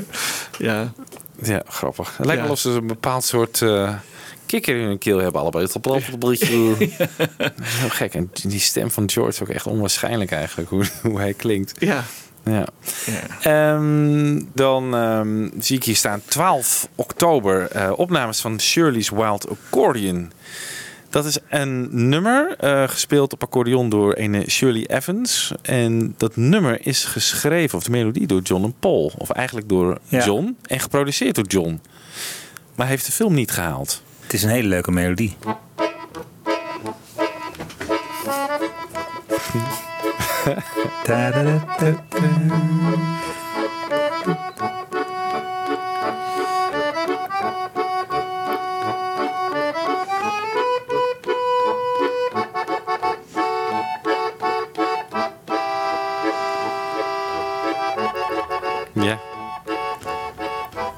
hadden ze in de bus moeten spelen. Ja. Een sing-along. Maar dit is dus niet gebruikt. Want John heeft haar tijdens de opnames beloofd van... eh This will make you a fortune. Nou, en zo waren er wel meer mensen echt not amused. Bijvoorbeeld die eh, Ned Jackley, die komiek in dat eh, tijgerpak. Ja, die had, die, hele, die had een vrij prominente rol in de scène dat hij eh, dat die, die Lennon had uitgedacht. Hè? Dus dat je die dames bij dat zwembad eerst ziet en daarna gaan ze naar een bepaald grotcomplex. en dan zie je hem. Hij was ook de rubberman, hè? dus een man die zeg maar heel bewegelijk, een beetje een soort Mr. Bean van een letter. En die is helemaal weggeknipt. En hij werd later ook een van de grootste critici, ook vanuit zeg maar die acteursgroep op Magical Mystery Tour. Hij zei van, nou, ik heb nog nooit zoiets gezien en eh, belachelijk. Ik eh, ben er helemaal uitgeknipt en je ziet hem alleen een paar keer heel blij kijken. Maar goed, als, als dat inderdaad je oogst is van twee weken eh, op zo'n bus zitten en al die ontberingen. En uiteindelijk is er niks gebruikt van die man. Nee. Nee. En dit is ook niet, eh, die, die Walter Cordian. Maar zij was dus een vrouw die wel als acteur was kennelijk gecast. En die ook een leuk Deuntje. accordeon kon eh, spelen. Oh, maar zij staat dus wel in die bus wel accordeon te spelen Ja. waarschijnlijk. Als Ja. ze dan... eh, Ja. Dat wel. Ja. Ja, ja, ja. Dus niet McCartney. McCartney moest er inhouden. Normaal zou je denken van McCartney gaat wel even zorgen dat de hele bus meezingt. Maar nee hoor, die laat het over aan, eh, aan Shirley. Ja. Ja. Ja, hij kon waarschijnlijk geen accordeon spelen. En, eh, Nee, dat denk Nee. ik ook. Ja. En hier was ook nog een rol voor Mike Leander weggelegd. Maar ja, arrangement. Ja, hij heeft, hij heeft iets met arrangementen gedaan. Dus eh, ik vraag me af wat hij dan precies heeft gedaan. Maar ehm, Nou ja, Lennon had een melodie in zijn hoofd en dat moest wel op papier komen. Ja, dat, dat zou even zijn. uitgeschreven. Maar ja, Ja, dat ze kunnen. George Martin daar niet voor gebruikt hebben. hè. Dus eh, dat verbaast mij weer. Cilla Black natuurlijk. Cilla Ja, verdenk ik weer. Ja. Hebben ze Mike Leander weer gevraagd. Ja. Ja. Ehm, Michiel, er waren elektriciteitsproblemen. Ja, bij, bij Your Mother Should Know. En ook ja, ik denk, aan het slot van de film zie je dat. Hè, dus die schitterende scène van de, de Beatles allemaal in hun white tuxedo's. Zie Ja. je van de trap afdalen. Dat is ook wel een, een keer of tien of zo. Of in ieder geval zeven takes zijn er eh, geweest voordat het er mooi op stond. Want ze doen het echt heel goed, heel precies. Ja, Lennon mist aan het begin een klein stapje. Maar er zit op een gegeven moment een versnelling in. Hè, en dan gaan ze ook helemaal eh, sneller. Een beetje schaatsen gaan Ja, ze dan. ja. Nee, Ja, het is echt helemaal super. Het is Ja. schitterend. Die trap is ook helemaal speciaal gebouwd voor deze scène. Dus in een enorme hangar eh, is dat. eh, is dat eh, ik zit even te denken, waar is dit opgenomen? Is dit, is dit weer op het vliegveld? Of dit is volgens mij weer. Ja, Westmalling, was dat? Westmalling dacht ik ook. Maar het is een oude vliegtuighangar, Ja. dacht ik. Hè? Was dat niet dezelfde waar I Am The Walrus dan buiten was opgenomen? Of? Dat zat ik Ja. op te denken, Ja. maar dat is dan, dan zou het weer op het vliegveld zijn. Ja, zou kunnen. Ja, dat, Ja. dat zou kunnen. Dat zou kunnen. Anyway, dat ziet er allemaal schitterend uit. Maar dat is ook wel aardig eh, dat je als je weer naar de extra's kijkt op die DVD, eh, die geremasterde, trouwens ook heel mooi geremasterde DVD uit 2012. Daar komt op een gegeven moment ook ter sprake dat er elektriciteitsproblemen waren rond Your Mother Should Know. En dat de producer, dus uitvoerend producent, daar toen een hele leuke oplossing voor had bedacht. Van, eh, om, om met name de wat onrustig wordende dansers, die allemaal waren ingehuurd, een beetje op hun gemak te stellen. We had the biggest generator at the time, which is 2,000 amps, huge, lights all over the place. And just as we're getting ready to film, we worked, rehearsed with the dancers, done everything, they were amazing. All this, just went, and the lights went down. Somebody said, What's up? So they all ran around the back to where the generator was, and this guy covered with grease up to here came back and said, We're knackered, that's it, it won't go.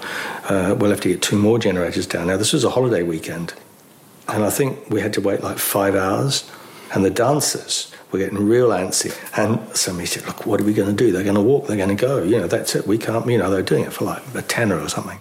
What happened was they tried we tried to bribe these 200 dancers with signed pictures of the Beatles. And we were all sitting in the back, and I walked out into the crowd with a handful of these, and Mal Evans, who was working for it, said, Don't go out there. And I went out there, and I went under. They went for me. The crowd, you know, the girls in their sequins dresses, literally went for. I went under, and Miles, a big bloke, pulls me out from underneath. He said, "I told you so," and picks me up under his arm and pulls me back into the security area. Dus niet de meest verstandige manier om dit eh, probleem op te lossen door gratis handtekeningen uit te gaan delen van de Beatles. Maar goed, dat kwam uiteindelijk dus toch nog goed. eh, met een eh, nieuwe generator, toch midden in het weekend geregeld. En, en toen werd die scène dus opgenomen. Ja. Ja. Ze hadden eigenlijk dus een- die studio eh Pinewood of zoiets willen regelen. Maar dat moet natuurlijk door maanden van tevoren geregeld worden. En toen hebben ze dus ergens een, een, hangar, hangar. een hangar eh, kunnen regelen. Ja. Is zo amateuristisch allemaal. Hè? Ja. Het was met Brian, nou, ik zeg nogmaals, Nee. niet gebeurd. Nee. Nee. Was het Nee, maar dat heeft ook wel weer de charme. Dat heeft de Ringo later ook gezegd. Van bijvoorbeeld de scène dat hij op een gegeven moment eh, de, de bus gaat rijden. En in een soort eh, race op die. Oh ja, op het circuit. Ja, Ja. dat zou natuurlijk. En het schijnt dat die, eh, die dames van die Beatles fanclub. die stonden echt doodsangstig uit. Want hij ging echt helemaal los. En dat zou natuurlijk echt absoluut tegenwoordig nooit kunnen. En ik, als Brian erbij was geweest, ook no way dat je dat gaat doen. Nee. Eh, alleen het risico als er iets misgaat. eh. In mijn herinnering eh, rijdt die bus op een gegeven moment ook op twee wielen. ja, dat Zo- zegt zij ook. Ja. Dat is wel gefilmd. Ja. Ja. Dat is wel gefilmd, ja. ja, ja. En iets anders, hè, dat had McCartney weer bedacht. die wilde op een gegeven moment ook weer midden in het weekend. eh, moesten er twaalf eh, eh, van die lilliputters moesten er, eh, in hun na, zeg maar in, in, in worstelkleren of, gewoon present zijn. Die moesten gaan worstelen daar gewoon ook. Ja, dat moest ook in de film. En dat, dat schijnt dat die Dennis O'Dell daar een hele actieve rol in had. Die moest dus gewoon als een idioot gaan bellen om, om twaalf van die, van die dwergen op in no time te krijgen. Zijn het er uiteindelijk niet vier geworden of zo? Nou, iets meer, maar... eh, Ja, prachtig. Ja. Ja. Prachtig, hè? Ja, geweldig. Nou, dat zijn al wel de mooie verhalen Ja. rond deze film. Die zijn eh, legio. Ja. Hey, en dat is ook wel interessant. Dat, eh, nou ja, dan moet het op een gegeven moment naar de, de BBC. En de BBC moet het gaan aankopen. En eh, dan heb je Sir Paul Fox. En denk als je in Engeland woont, dan is dat een heel bekende meneer. Dan zijn ze daar ook niet voor niks Sir. Dat is een hele belangrijke meneer binnen de BBC. En die doet ook, en dat is interessant, rechtstreeks de onderhandelingen met McCartney over de aankoop van, B- van eh, Magical Mystery Tour. En dat is natuurlijk ook iets wat normaal gewoon Brian zou hebben gedaan. En nu wandelt McCartney gewoon het kantoor binnen. En hij zei, vertelt later ook, nou, laat me even horen. The Christmas schedule is always one of these difficult things to get together. And on that particular year, in 1967, I had a gap on Boxing Day. And suddenly I got to hear of this film, The Magical Mystery Tour. It was described to me as a film made by the Beatles, containing the Beatles, and containing a lot of music. And that, as far as I was concerned, was good enough. The deadline was approaching. I knew something had to go into this particular slot, and this particular program was perfect for it. Unsight unseen. No regrets. No regrets whatsoever. Surprising as it may seem, I dealt directly with Paul McCartney. I mean, it was absolutely astonishing. I made the inquiry about this film, and the next thing I knew was Paul was on the phone and says, Can I come and see you at 12 noon today? I said, Fine, look forward to seeing you. And Paul arrived, and of course, great excitement on, in the television centre, particularly on the sixth floor among the secretaries. Paul arrived, we'd never met before. We talked for 15 minutes. We discussed the film. We discussed a fee, outrageous for both of us. It certainly was wrong for me to discuss a fee. Other people do that in the BBC. May have been wrong for him. Anyway, we discussed a fee, settled it, shook hands, end of story, and I knew I got a, a film. Look, this was a one off deal. It was strictly unofficial, and the wonderful thing about it was it was done between the two principals, and there were no aides or anybody else involved. The deal was done and kept by both sides. Vind het wel een mooi verhaal hoe dat eh, gegaan is. Ja, de hele zesde verdieping was helemaal... Iedereen was in alle staten. McCartney kwam daar.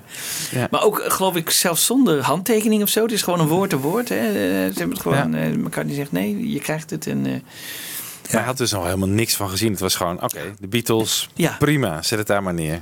ja, Ja, nou als je rond eh, op tweede kerstdag dit jaar niks te doen hebt, dan raad ik je toch aan om eens nog eens een keer die DVD, als je die hebt, eh, eh, uit de kast te halen. En dan ook met het gesproken commentaar van McCartney erbij. Want dat is echt wel leuk. Hè? Die, die heeft de hele film van eh, 50 minuten, levert hij gewoon de director's cut, zeg maar. Dat hij gewoon commentaar levert. En een van de dingen die hij ook zegt, is dat die Paul Fox, die je dus net hoorde, de scène tussen die, eh, die tante van Ringo en die Ivor Cutler. Die gaan op een gegeven moment een beetje met elkaar eh, vrijen op het strand. Dat de, nou ja, vrijen, ze gaan een beetje zoenen. Zoenen, en eh, ze ja. gaan, hij tekent een hartje in het zand en zo. Het is allemaal zo volkomen onschuldig. Maar dit kon weer niet door de censuur van de BBC. Ik vind het zo raar. Raar, hè? Gewoon. En die, die stripscène die aan het eind zit in die club. Die kan dus weer. Die is, daar heb ik nooit een onvertogen woord over gehoord. Dat is gewoon. Nee, eh, een soort Benny Hill-achtig. Ja. ja. Maar die, die Ja. scène op het strand kan het is zo onschuldig. Gewoon Ja. eh, maar die mensen die aan het zoenen zijn, dat, Ja. dat komt Dat- gewoon dat kan niet. niet. Nee. Nee. Ongelooflijk, hè? Bizar. Ja. Ja. Heel bizar. Ja, dan gaan we langzaam toe naar die, de, de dag 26 december, dus Boxing Day. Ja, bij ons gewoon tweede kerstdag. Ja, ik denk een dag waarop je gewoon een beetje gaat uitbuiken. En veel met de familie bent, veel gezelligheid. En dan met z'n allen voor de pit. Hè. Dat is een beetje het idee. Ja. Voor de zwart-wit eh, pit. Voor de zwart-wit pit. Ja, dat, want dat is wel even een punt van aandacht. hè. Er wordt heel veel gezegd van ja, de BBC, de, de Magic Mystery moet je in kleur zien. En er waren natuurlijk destijds ook wel kleuren-tv's. Maar de BBC besluit om het gewoon integraal op, in zwart-wit uit te zenden. Dus ook als je een kleuren-tv had, Ja, kon je het dan niet kon je het niet. opzorten. eh, Nee. Maar tien dagen later is het kennelijk wel uitgezonden. Hè? Ja. Alsnog in kleur. Ja, alsnog in kleur. Maar goed, dan moest je dus wel een kleurenpit hebben. Ja, en die hadden ook heel weinig mensen Ja. natuurlijk. En dat had denk ik ook niet veranderd, want eh, er waren zo weinig mensen met een kleurentelevisie. Ja. En had het heel veel uitgemaakt als het nou, eh, ja, als Nee, deze joh. film van meter van bij iedereen in kleur binnen. Ja, misschien doet doet het mooier. Ja, Flying was mooi geweest. Flying, ja. Flying staat helemaal nergens op. Hè? Als je, dat je die kleuren, ja, van, van die bergen. Ja. Ja, omdat, dat zie je, je ziet gewoon bergen. Dat staat helemaal nergens op. Maar ja, in kleur heeft het wel wat. Het waren trouwens opnames die van eh Dr. Strangelove waren Ja. eh, overgebleven. Ja. Van Kubrick. Er waren ook weer zwart-wit opnamen. Die hebben ze dan weer in het laboratorium met kleuren ingevuld. Afijn, het, is Ja. ook eh, bijzonder. Ja. Had die Dennis O'Dell allemaal geregeld. Hè? Ja. Maar goed, het wordt uitgezonden en het wordt eh, Maar niet... McCartney heeft altijd gezegd: hè, ja, hè, over 10, 20 jaar dan gaan de mensen heel anders oordelen over deze film. Hè? Maar nu eh, waren we nog de, de tijd te ver vooruit. Hè? Want hij is daarna voor de radio geweest. En, eh, was, maar ik geloof niet dat dat nou het geval is geweest, toch wel? Dat na 10, 20 jaar in één keer iedereen heel anders over die film is gaan oordelen. Maar we zijn wel milder gaan oordelen over die film. Wel milder. Ja. Ja. ja. Maar meer als een mooie serie clips en eh, Ja. leuk En verhaal erachter. Maar En een goed eh, tijdsbeeld of waar de Beatles toen mee bezig waren, denk ik. En eh, wat ze wilden doen. ja. Ja, ik vind, ik vind die documentaire van de BBC die toen in 2012 is uitgezonden, die geeft een goede context. Toen Ja. kreeg ik echt wel een beetje begrip voor eh, Ja. bepaalde keuzes die er gemaakt zijn. ja, dat is waar. Maar de, de reviews van de BBC, Ja. Die waren het niet mals natuurlijk. Nee, dus die worden even in die BBC-documentaire waar je het net over hebt, even voorgelezen. En die zijn toch wel geestig. There was, it seemed, very little magic about this particular mystery tour, most reporting viewers, in fact, finding it virtually incomprehensible. There was no theme or storyline, they complained. The program appearing to consist of confused, disconnected shots of the weirdest things and suggesting a nightmare rather than a mystery tour. The following are just a few of the many outraged comments. The biggest waste of money since the groundnut scheme. Positively the worst program I can remember seeing on any TV channel. The small minority who did enjoy the program hailed it as something completely different. A schoolboy had this to say It was one of the best Christmas programs we have had for a long time. The idea was clever as well as original. It was very funny in parts. A marvelous program in black and white. In color, it would be indescribable. Grappig, hè? Ja, heel mooi met de nodige Ja. retoriek gebracht. Ja, ja, heel goed. Heel leuk. Maar ja, de kritiek eh, was de Beatles natuurlijk ook niet ontgaan. Dus eh, Paul zat de volgende dag eh, meteen bij David Frost in het programma.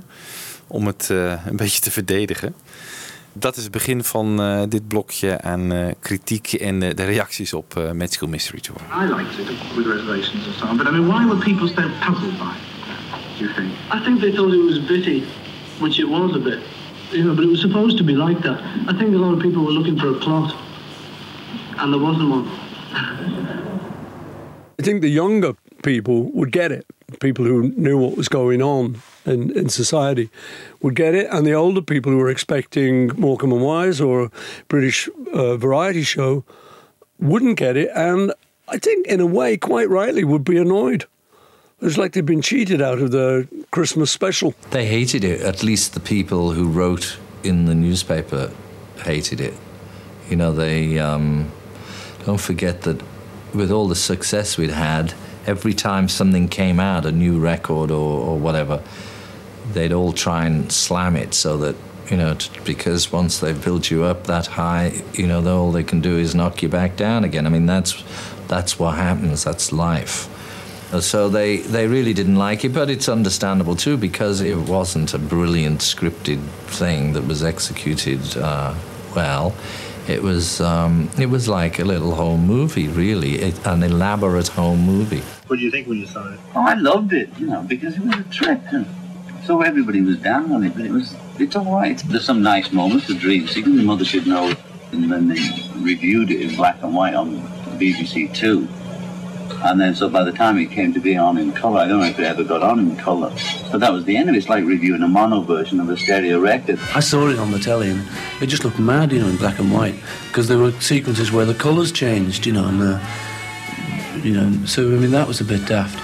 The thing itself was uh, we just did it off our own bat, you know, and I think it was put on like at the wrong time on telly when everyone's expecting sort of Christmas extravaganzas, and we put on this mad film. But uh, I've since seen it, you know, and a lot of people have since seen it, and like, for instance, it's been around America since and it's it's being very successful at the moment, you know, because it's now people are sort of catching up with what it's about now, you know. For the time, it was just a bit sudden and it was a bit sort of too great, but I still like it as a thing. I still think it's great. Dat is Paul weer die op de bres springt. eh. Ja. ja. George is wat realistischer, denk ik. Hè? Die is, Ja. eh, Ja. Het was gewoon niet zo heel goed. En eh, zeg maar, dat Ja. zou je elkaar niet nooit horen zeggen. Nee, nee, nee, nee, nee. Nee, dus dan, eh, het is- als je het niet goed vond, dan heb je gewoon niet de cultuur begrepen. Weet je wel? Dat is, dat is meer zijn eh, invalshoek. eh. Paul is hierna wel echt gestopt met eh, experimenteel zijn, hè? Ja.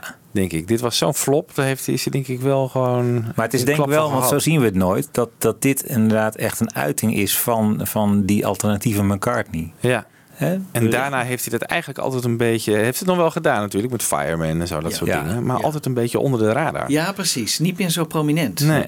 Nee, dat is waar. Ja, ook eh, Threadington is ook zo'n voorbeeld. Hè? Ja. Dat hij dat Ja. gewoon, Ja. eh, dat, eh, Ja. als je dan van die rare dingen gaat doen, dan liefst eh, Ja. zonder dat iemand het weet. Ja, onder de radar. Ja, Ja. Dat, is- dat is waar. Dat is waar. Nou, er zijn wel fans natuurlijk. We hebben hem eh, al even genoemd, eh, Martin Scorsese. Die eh, is eh, fan van de film hoor. This picture probably reflects their state of mind more than, more than anything else they had done at the time. Uh, that's the way they perceived the world around them. For me, the freedom of the picture was something that was very, very important. The sense of breaking all the form. And it's the way it was in those days. I mean, people were trying everything, and whether it fully succeeded or not was really beside the point. It made sense as part of the evolution of the Beatles and what they were trying for. So it was a very freeing experience. I actually enjoyed it a great deal. And there are many things in the film that have stayed with me over the years, many things in the picture. There was something very musical, very dance like about the editing of the magical mystery tour number the bus. Freedom of the camera, along with the restraint of the characters looking towards the lens. For me, this has always stayed, and it's one of my favorite moments in movies. And that stayed with me over the years, and I think it's actually, looking back on it, has influenced uh, a lot of the, the work I've done. For me, it certainly still holds up. The imagery was created without CGI at a time when it was all photochemical, and uh, some of it we may have gotten used to now. Now, of course, the emphasis on professionalism and polish and politeness is very, very, has come back now with a, a vengeance. It's, it's expected, and there's a, a tendency to forget that it's really, that's only one choice, you know, one way of going. Volgens mij wordt hij ook eh, 6% sneller afgedraaid. Dan, eh, Hij, hij praat zo, hè? Nou, dit is echt, is het echt oké? Okay, meteen. nee, dat zou ik niet doen, want eh, Jan Kees houdt daar niet van. Nee. ik mis Spielberg nog. Ja, die heb ik eigenlijk nog nooit over gehoord. Nee. Nee, alleen eh, via McCartney. Nou, maar goed, hij is best wel vol lof hè, over Ja. de vrijheid van de film en eh, de Ja. editing. En... Ja. Ja, toch wel, vind ik, ik, vind dit een beetje een eh, verzonnen verhaal. Ik kan me niet. Nee, ja, ik ja, ik kan me wel iets voorstellen dat een bepaalde soort camera shots dat die later gemeengoed werden of zo. Maar om nou te zeggen dat het bij de Beatles is begonnen, jongens, kom op. Die was eh. geen avant-garde film of zo. Nee, zeker niet. Ja, er, er is wel wat gezegd over die monteur, die Roy Benson, dat geloof ik. Of de, de, ja, hoe noem je dat, een monteur? Degene die de montage heeft gedaan. Ja, de editor. Editor. Ja. Die heeft wel gezegd van, er waren ook films van Buñuel of zo. En die, en die gingen ook op een bepaalde manier, eh, de overgang tussen scènes. Dat werd een beetje, Beetje vergezocht hoor. op dezelfde manier gedaan. Maar om nou te zeggen dat, eh, dat dit dan vervolgens de, de maat der dingen wordt. eh, Zeker niet. Zeker nee. niet. Nee. Maar moeten we even, wat, wat, wat- wat- hoe kijk jij tegen de film aan, Jan Kees? Nou ja, als een tijdsdocument. Ik, bedoel, ik, ik kan er niet echt, dat ik dan zeg, ik kan ervan genieten. Wel van de clips op zich en de muziek. En, en, en, en eh, Full on the Hill vind ik leuk. En dan denk ik, god, daar is hij voor naar, eh, naar Zuid-Frankrijk gereisd. En eh, dat, dat is leuk. En dan zie je hem daar over de markt en eh, over, die, over zo'n heuvel heen. Dat, dat vind ik allemaal heel aardig. En, en ook eh, I'm the Walrus. En ah, wat, wat, waar we het net over gehad hebben. Al die clips, dat afzonderlijk. Maar het is niet een verhaal wat ik volg. Maar ik, ik denk nu iedere keer, ik, ik vermaak mij er gewoon mee. Dat ik denk van, oh ja, toen zijn ze naar de kust gegaan. Hebben ze nog veel problemen gehad. Of daar ze moesten ze stoppen of dit. Hè, allemaal achtergronden bij die film. En, en als tijdsdocument vind ik hem dan interessant. Maar eh, nee, het is geen film die ik eh, eh, voor mijn plezier nou echt opzet of zo. Nee, maar ik, eh, als, al, om erover te praten en om het erover te hebben vind ik heel erg leuk. En eh, ja, de anekdotes eromheen, die zijn eigenlijk nog Die leuker zijn- dan de film. Ja. Eigenlijk. hè. Ja, dat is waar. Ja. Als jij mag kiezen wie wil tussen, tussen een avondje Help kijken en een avondje de Magical Mystery Tour kijken, wat kies je dan? Gewetensvraag. Nou, ik denk toch help. Ja? Ja. Vind ik ook echt wel lachen af en toe. Dat vind ik eigenlijk een soort eh, Monty Python uh, avant la lettre soms. Maar dat is dit eigenlijk ook toch? Ik bedoel, met, met, met, met die spaghetti en... eh, En jij, Michiel? Nou, ik, ik, ik zou voor Magical Mystery Tour kiezen, ja. Ja, ik ook. Ja. Maar wat vind je ervan? Nou ja, ik, ja wederom, uh, het is, ik vind het gewoon heel leuk om te zien waar de Beatles mee bezig zijn. En het is wel, ja, het is niet, er zit niet, niet een echt verhaal in, maar zeg maar in Help zit natuurlijk ook, er zit dan wel een verhaal in wat, wat mensen ja. verzonnen hebben. Ja. Maar of een verloren ring die je in de Bahama's en daarna in Heel Oostenrijk. geloofwaardig, toch? Ja, ik bedoel, net zo'n onzinnig dwaas verhaal als dit natuurlijk. Uh, ja. En ik vind gewoon, uh, ja, als je van 52 minuten film en je hebt iets van 26 minuten echt hele gave puiken muziekclips in kleur. Heel mooi opgepoetst recentelijk. En uh, ja, ik bedoel, ik vind dat super gaaf. Maar inderdaad, ik kan wel, ja, ik kan me behoorlijk. Ik, ik, ik heb met de personages die ze hebben uitge, uitgezocht voor deze, deze roadtrip, heb ik eigenlijk allemaal heel weinig.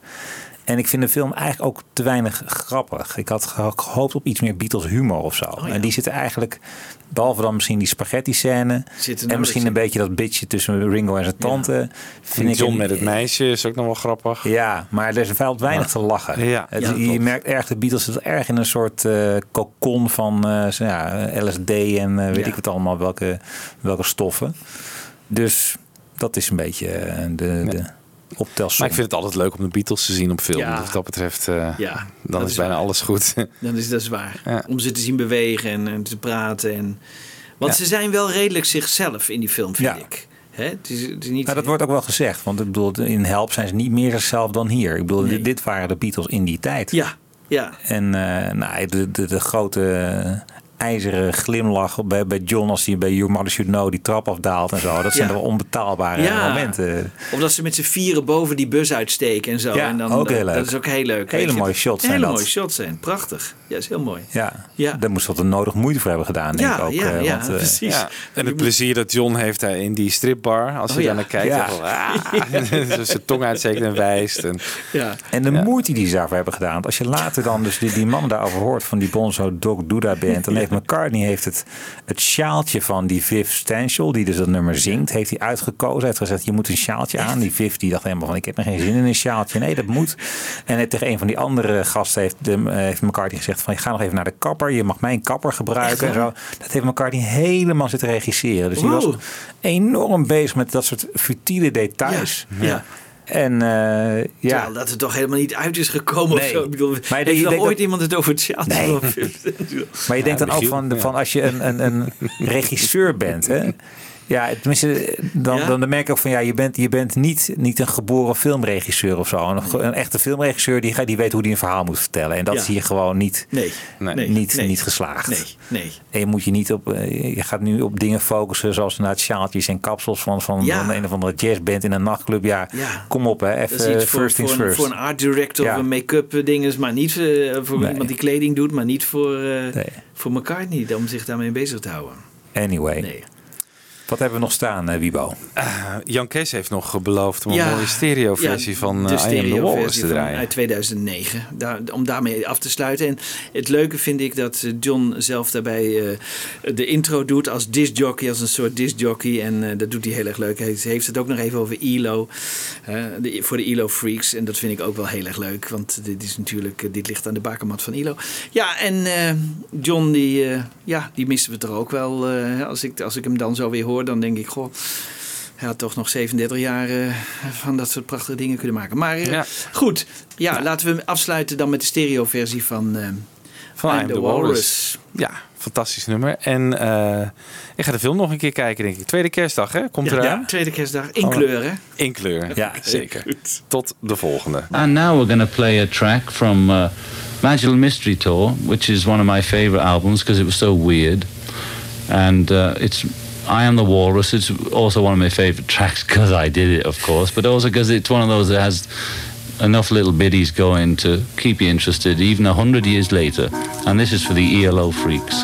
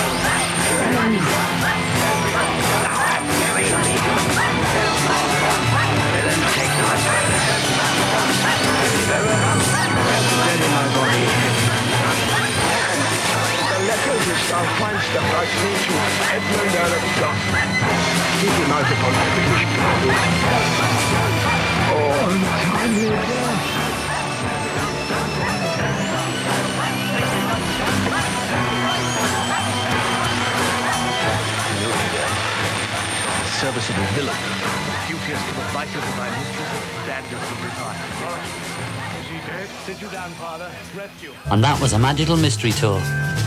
I told you. Goodbye. Fab Forecast. Luister ook naar Fab Forecast via beatlesfanclub.nl.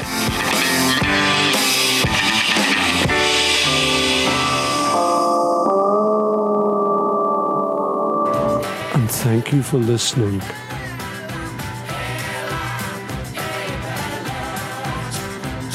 And thank you to the critics for